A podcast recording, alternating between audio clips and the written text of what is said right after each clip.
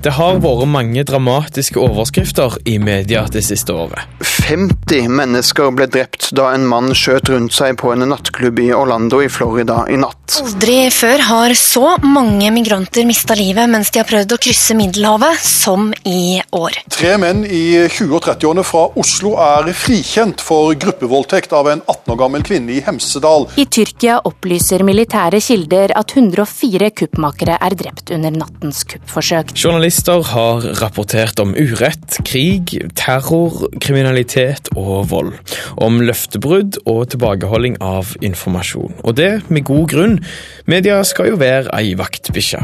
Likevel så kan det jo føles som om verden bare er full av elendighet, når det er det vi som regel får servert. Men det finnes et alternativ til å skru av radioen, nemlig konstruktiv journalistikk. Hva er det, og hvordan ser nyhetsåret 2016 ut, oppsummert med konstruktive journalistbriller? Det skal vi finne ut av i dagens utgave av Kurer. Jeg heter Lars Erik Andreassen.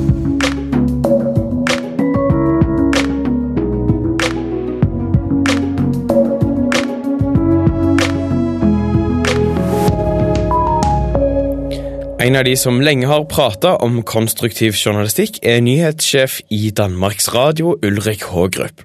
Han har skrevet bok, og han holder foredrag om fenomenet.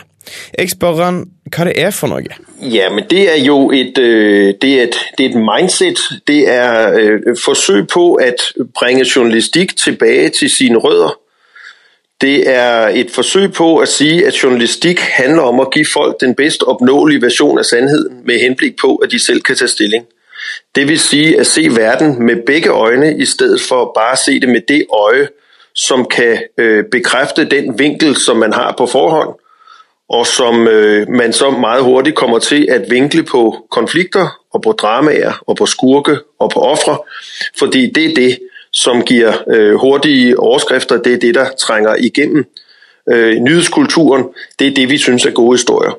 Problemet med det er at det kommer til å skjevvride den offentlige debatt. Hågrup forklarer at konstruktiv journalistikk handler om at folk skal få et så sant inntrykk av verden som mulig, sånn at de kan ta gode og reflekterte valg. Det handler om å rapportere på en måte som ikke bare handler om drama, skurker og ofre. Grunnen til det, sier han, er at om du bare rapporterer det negative, så vil det vri den offentlige debatten. Rundt omkring i verden er folks oppfattelse av virkeligheten blitt mer og mer skjev. Det er jo sånn at vi i dag lever i en mye mer fredelig verden enn vi noensinne har gjort. Men det er ikke den oppfattelse folk har. Vi lever i en mye mer trygg verden enn vi noensinne har gjort. Antallet av mord, øh, trafikkdrap, øh, folk der er drept i krig, er øh, sætter rekorder i hvor få der egentlig øh, hvor, hvor lille problemet er ved at blive. Men det er ikke det som folk har en oppfattelse av, fordi vi nyhetsmedier vi overeksponerer øh, øh, det dramatiske og det konfliktfyldte i sådan grad at folk får et skævvredet oppfattelse av virkeligheten. Og hvis jeg og mange av mine kolleger som er journalister og redaktører gikk inn i journalistikk fordi vi ønsket å gjøre noe godt for verden, og vi kan konstatere at vi i virkeligheten kommer til å gjøre folk mer utrygge enn det er grunn til, så burde vi måske kigge på hvordan vi utøver vårt fag og måske justere en lille smule. Og Det er det konstruktiv journalistikk handler om. Hågrup forteller at han og mange av hans kollegaer gikk inn i journalistikken fordi de hadde lyst til å gjøre verden til et bedre sted. Videre sier han at de nå opplever at de gjør folk mer utrygge enn folk trenger å være. Konstruktiv journalistikk handler om å justere måten de utøver faget sitt på, sånn at verdensbildet som blir levert er nærmere sannheten enn det det er i dag. En av sakene vi har lest masse om i det siste, er krigen i Syria. Hågrup mener på ingen måte at en skal la være å rapportere om de grusomhetene som skjer, men samtidig sier han at det ofte er ett aspekt som blir glemt. Det interessante er at det generelle bildet tror jeg ikke ret mange nordmenn har oppfattelsen av at verden ikke har vært et fredeligere sted stort sett noensinne i menneskehetens historie enn i 2016.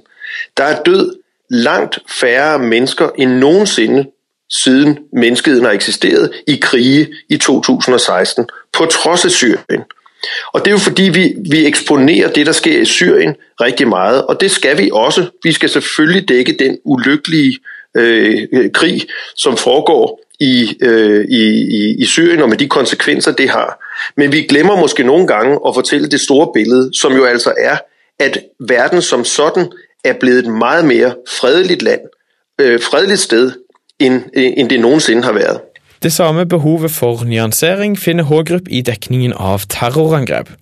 Jamen, man kan jo konstatere, at der har været en, en lang række øh, øh, terrorhandlinger øh, øh, fra islamisk stat øh, på europæisk grund. Og, øh, og, og de terrorhandlinger er jo øh, udført øh, for at skabe frygt i Europa og skabe splid i Europa, og man må konstatere, at det jo lykkes øh, rigtig godt. Sandheden er jo, og perspektivet er jo, at risikoen for at blive dræbt som europæer i Europa som følge av terrorhandlinger stort sett ikke har været lavere i 2016 enn siden 1954. Til tross for terrorangrepene som har rammet Europa, sier Hågrup at det ikke har vært tryggere å være europeer i Europa siden midten av 50-tallet enn det er i dag. Men de fleste mennesker har nok ikke en oppfattelse av at risikoen for terror er faktisk fallet de seneste par år i Europa. Selvfølgelig fordi vi nyhedsmedier overeksponerer, øh, eller i hvert fall voldsomt eksponerer, øh, de terrorhandlinger, øh, som, som finner sted. Og jeg sier ikke at vi ikke skal dække dem. Jeg sier at vi skal proporsjonere det og huske å fortelle hvordan, øh, hvordan det store bildet er. H-Grupp sier ikke at en skal la være å dekke terror, men at en samtidig må klare å minne publikum på hva som er det store bildet. En av fordelene med å jobbe med journalistikk som handler om krig, terror og vold, er at overskriftene ofte gir seg sjøl. De provoserer, og dermed så skaper de ofte òg klikk den konstruktive journalistikken ser på de langsiktige trendene, på løsningene istedenfor problemene, og på ting som går bra istedenfor ting som går dårlig. Derfor får en kanskje ikke de mest dramatiske overskriftene. Til tross for det så sier Hågrup at de konstruktive nyhetene gjør det godt, selv i konkurranse med de dramatiske. Ja, men Det interessante er jo, nå har vi jo, har vi jo arbeidet med det her i en, i en rekke år. Øh, og en række nyhedsorganisationer er begyndt at lade sig inspirere af det og arbejde på samme måde. Og det man kan konstatere for eksempel på Huffington Post, som har indført noget, de kalder What's Working kriterier, øh, og vi kan konstatere det hos os, at folk de deler konstruktive historier meget mere end almindelige nyhedshistorier. Folk læser den type historier meget mere, fordi det er historier om håb, det er historier om muligheder, det er historier om mennesker, som gør noget andet end alle os andre. Ja, det er jo stor interesse for dette internasjonalt. Initiativet kom fra Danmark eh, og har spredd seg til Finland og Sverige. Eh, men altså NRK-veteran Tom Christiansen har i det siste engasjert seg i konstruktiv journalistikk. Og han sier at fenomenet bare blir mer og mer populært. Eh, Le Monde, eh, Der Spiegel, Huffington Post, BBC Alle syns dette er veldig spennende ting. Og grunnen til at det er spennende, er at dette er jo ikke avdelingen for artige nyheter og en liten historie om dyr helt til slutt i Dagsrevyen. Dette er ikke sånn happy story. Det er gjerne gode nyheter om positive ting som skjer, men like mye er det spørsmål om i vanskelige, konfliktfylte saker å søke etter løsningen. Ikke dyrke konflikten hele tiden, men også se på løsningen. Hvem har løsningen? Hvem er det som kan fortelle uh, hvilke muligheter det er for å komme seg videre? Enten det er internasjonale forhandlinger, enten det er konflikter i en bedrift eller på en arbeidsplass eller om det er eh, et utviklingstrekk som noen kanskje har tenkt annerledes om. Det gjelder å finne de folka som opererer utenfor boksen ganske ofte. I norske mediehus, da, hvordan er engasjementet rundt eh, konstruktiv journalistikk der? Det er vel stort sett ikke-eksisterende. Jeg traff noen seniorreportere fra Aftenposten siste uke. De hadde aldri hørt om konstruktive nyheter.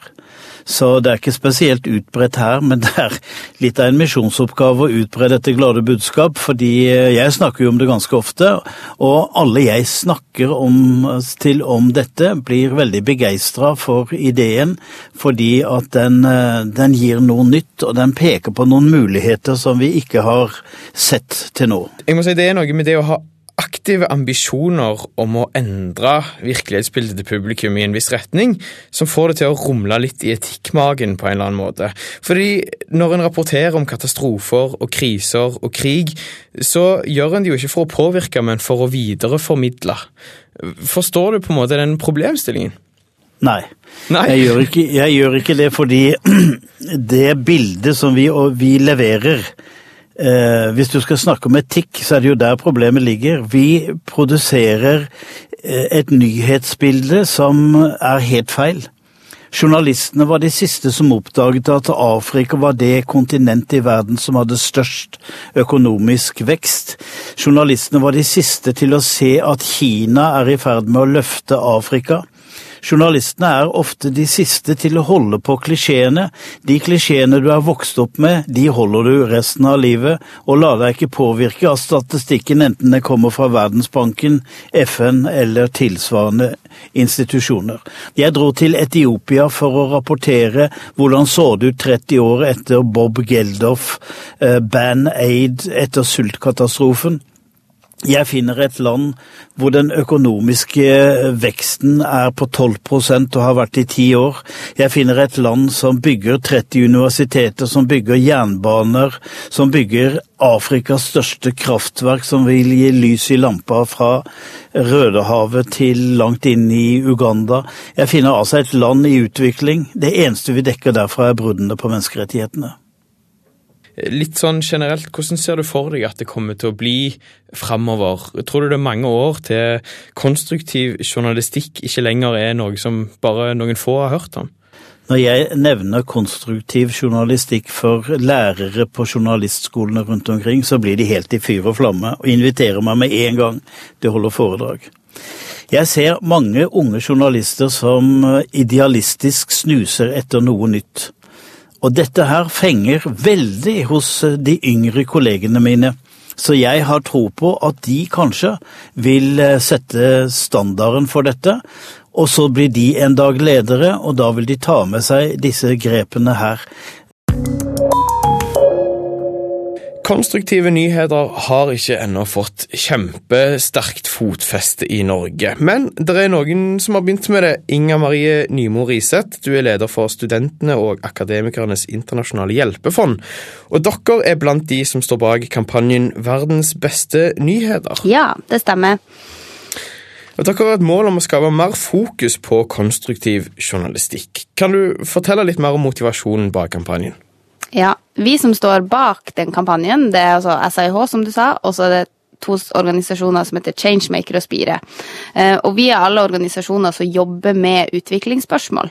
Eh, og det vi har sett, er det at media ofte har Media ofte dekker bare krise og konflikt og negative nyheter fra utviklingsland. Og det vi ser er at nordmenn har i dag et bilde av verden som ikke stemmer med virkeligheten. Man tror at verden er verre enn den er.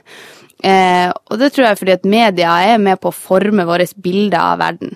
Eh, så derfor ser vi et behov for å også få flere positive nyheter fra utviklingsland, og positive nyheter om eh, internasjonale spørsmål. Fordi verden i dag er den er bedre enn noen gang. Eh, det er flere som går på skole, det er folk lever lenger, færre dør av sykdommer, eh, og flere løfter ut av fattigdom. Så vi, vi går stadig fremover, men vi opplever det at mange folk eh, har mista på en måte At man føler på en avmakt, og at fordi man, man kun får dårlige nyheter, så kanskje man føler det at eh, man skrur av TV-en eh, fordi man føler at verden står ikke til påske. Mm. Du, Vi skal tilbake igjen til verdenssituasjonen, men først mm. av alt, hva er det egentlig denne kampanjen går ut på? Ja, vi, det Verdens beste nyheter er en kampanje der vi gir ut I år så har vi gitt ut eh, i september 100 000 aviser med kun gode nyheter fra verden. Um, og så driver vi også og lager ei nettside der, uh, som heter verdensbestenyheter.no, der det også kun skal være gode nyheter. Og det er for å skape motvekt, og også for å prøve å endre mediebildet. Um, ja, for vi prøver ikke å være ei avis, vi er ikke journalister, men vi, vi, har en kampanje for å endre mediebildet og endre medias dekning av internasjonale spørsmål. Mm. Som en kampanje så er det jo greit å lage innhold som skal endre folk sin mening bevisst i en mm. retning.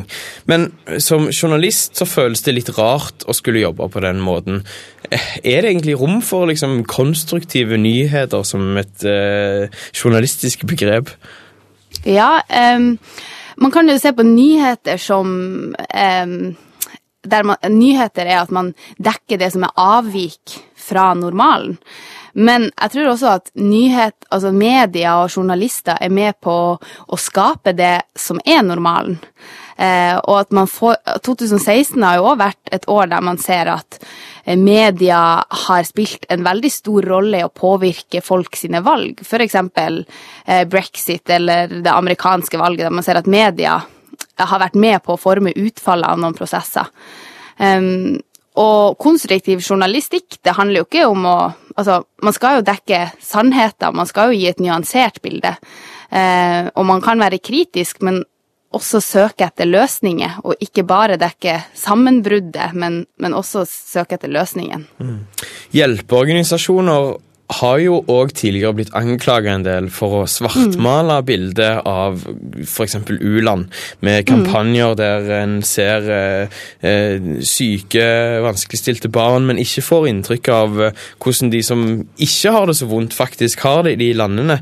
Eh, mm. Er det litt for å renske opp i egen samvittighet òg, dette her? Ja, SAIH har også en kampanje som, der vi jobber opp mot bistandsorganisasjoner. Fordi sammen med media så er bistandsorganisasjoner også en av nordmenn sine hovedkilder til, til utviklingsspørsmål.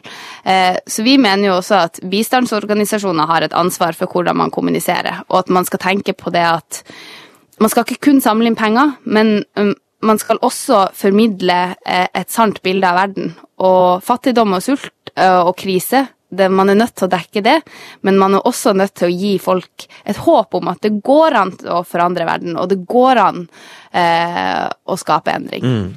Nå seint i desember så føles det naturlig å eh, oppsummere året som har gått. Og det kommer nok til å være en del nyhetskavalkader i løpet av den neste uka fram mot nyttårsaften. Mm. Men eh, hvis vi skulle tatt en gjennomgang av det konstruktive nyhetsåret 2016. Mm. Hva overskrifter kunne du tenke deg å løfte fram da? En sak er fredsavtalen i Colombia. Jubel da presidenten i Colombia og FARC-lederen nylig underskrev fredsavtalen. En stor dag for mange colombianere. Eh, I Colombia har det vært borgerkrig i over 50 år. Eh, og det har pågått fredsforhandlinger det siste året, og i høst så har eh, partene i den borgerkrigen signert en fredsavtale. Og det vil si at da finnes det ingen altså, offisielle eh, konflikt, væpna konflikter på den vestlige halvkule lenger. Eh, så det mener jeg er et, eh, i hvert fall en veldig god nyhet. The Norwegian Nobel Committee has decided to award the Nobel Peace Prize for 2016 to Colombian President Juan Manuel Santos for his resolute efforts to bring the country's more than 50 year long civil war to an end a war that cost, has cost the life of at, lives of at least 220,000 Colombians and displaced close to 6 million people. Kort tid etter at folk i Colombia stemte ned et forslag til fredsavtale, ble det kjent at landets president fikk Nobels fredspris for sin innsats. En endelig avtale kom på plass nå i begynnelsen av desember. En annen ting som har skjedd i år, er et stortingsvedtak om en ny matkastelov. I oktober fremma KrF et forslag på Stortinget om en rekke vedtak for å minske matsvinn. I forslaget ønsker de bl.a. utvikling av bedre emballasje, mer nøyaktig datomerking, og de ønsker at det skal utarbeides en lov som gjør at næringsliv må gi bort mat istedenfor å kaste den. Næringskomiteen skal nå utrede forslaget, og det er lagt opp til debatt og vedtak på tinget den 10. januar. Um, og det er jo et veldig viktig tiltak for å hindre matsvinn i Norge. For i dag så er det sånn at masse mat som, som er helt fin, blir, blir kasta. Eh, samtidig som det er veldig mange i Norge som ikke har nok mat. Så det er på en måte to fluer i en smekk, og en veldig en glad sak. Den neste saken på Nymo Risets lista har blitt nevnt i en god del aviser, men er vanskelig å finne i NRK sine radioarkiver. Bortsett fra i denne sendinga med gode nyheter som barnekanalen NRK Super laga nå i høst. Der toppa den nyhetssendinga. Når vi ser på nyhetene, så kan vi få inntrykk av at verden er full av krig, nød, svolt og sorg. Men verden har faktisk blitt et bedre sted for de aller fleste av oss. Nå skal du få noen eksempel på akkurat det. Vi begynner i Afrika. Landene Tanzania og Gambia forbyr barneekteskap. Det er ulovlig. Tanzania og Etiopia tjener mer penger enn før. I Uganda er det eh, Både i Gambia og i Tanzania så har myndighetene eh, laga nye lover som skal avskaffe barneekteskap. Eh, og det er jo kjempeviktige tiltak, for, fordi i dag så er barneekteskap noe som hindrer veldig mange jenter i å ta utdanning, eh, og gjør at mange jenter føder barn for tidlig. Eh, og det er altså, både et, et helseproblem og ja, et stort utviklingsproblem, og også at menneskerettigheter brytes. Så det er veldig bra at flere land eh, lager lover om det, og at det settes i gang mer arbeid for å hindre barneekteskap. Det var en stor seier over storsamfunnet, noe indianerne ikke er vant til. Vi kan jo òg ta frem saken som eh, fra Nord-Dakota, hvor ei stor oljerørledning var planlagt å gå igjennom urfolksområder og kunne eh, skade deres drikkevannskilder og også skape store miljøproblemer. Opprøret i Nord-Dakota har skapt masse internasjonalt engasjement, både i sosiale medier og i pressen. Og nå har protestene fungert. Med trommer og sang var det feiring i bitende kulde i Standing Rock Sioux-reservatet i Nord-Dakota. Bare timer før demonstrantene hadde frist til å fjerne seg, snudde hærens ingeniørkorps. Den kontroversielle oljerørledningen Dakota Access skal likevel ikke legges i en tunnel under Missouri-elva og innsjøen, som er drikkevannskilden i området det folkelige engasjementet eh, som har vært verden over for denne saken, faktisk skaper ringvirkninger. Og eh, i desember så ga Obama-administrasjonen beskjed om at de eh, ville ta midlertidig stans i eh, det arbeidet. Og selv om saken ennå ikke er konkludert og man ikke vet det endelige utfallet, så eh, syns jeg dette er en tydelig et godt eksempel på det at det å engasjere seg, det nytter. Eh, og at når man står sammen og jobber for, for en sak man tror på, så kan man faktisk eh, skape positiv endring. Og sånne nyheter tror jeg man, man trenger mer ut av.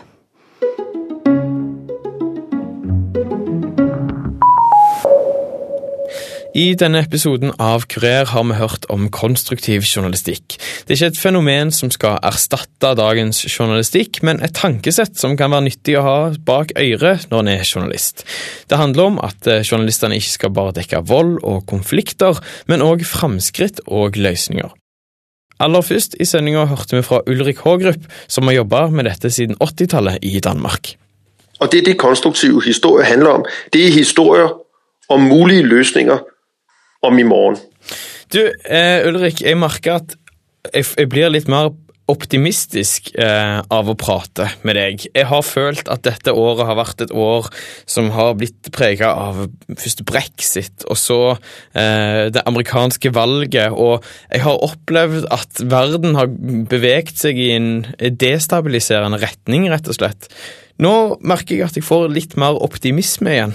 Jamen, jeg, jeg er sådan set ikke interesseret i, at du skal, at, at du skal blive de, mere deprimeret, eller, eller du skal blive mere optimistisk. Jeg synes, journalistikkens opgave er at give et retvisende billede af verden. Og der er en række ting og en række udviklingstendenser, som er bekymrende for verden. Der er også en række ting, som er øh, går den rigtige vej. Og journalistikkens opgave er at, at, at fortælle folk begge dele. Og så må man jo selv tage stilling til, om man føler seg oplivet, inspireret eller deprimeret og full av apati. Øh, mening, meningen med journalistikk er jo ikke, at vi skal gjøre folk unødigt deprimerede. Meningen med journalistikk er heller ikke, at vi skal gjøre dem unødigt optimistiske. Meningen er, at vi skal give dem et rettvisende billede av virkeligheten, og så kan de selv tage stilling til, hva de vil gjøre med det.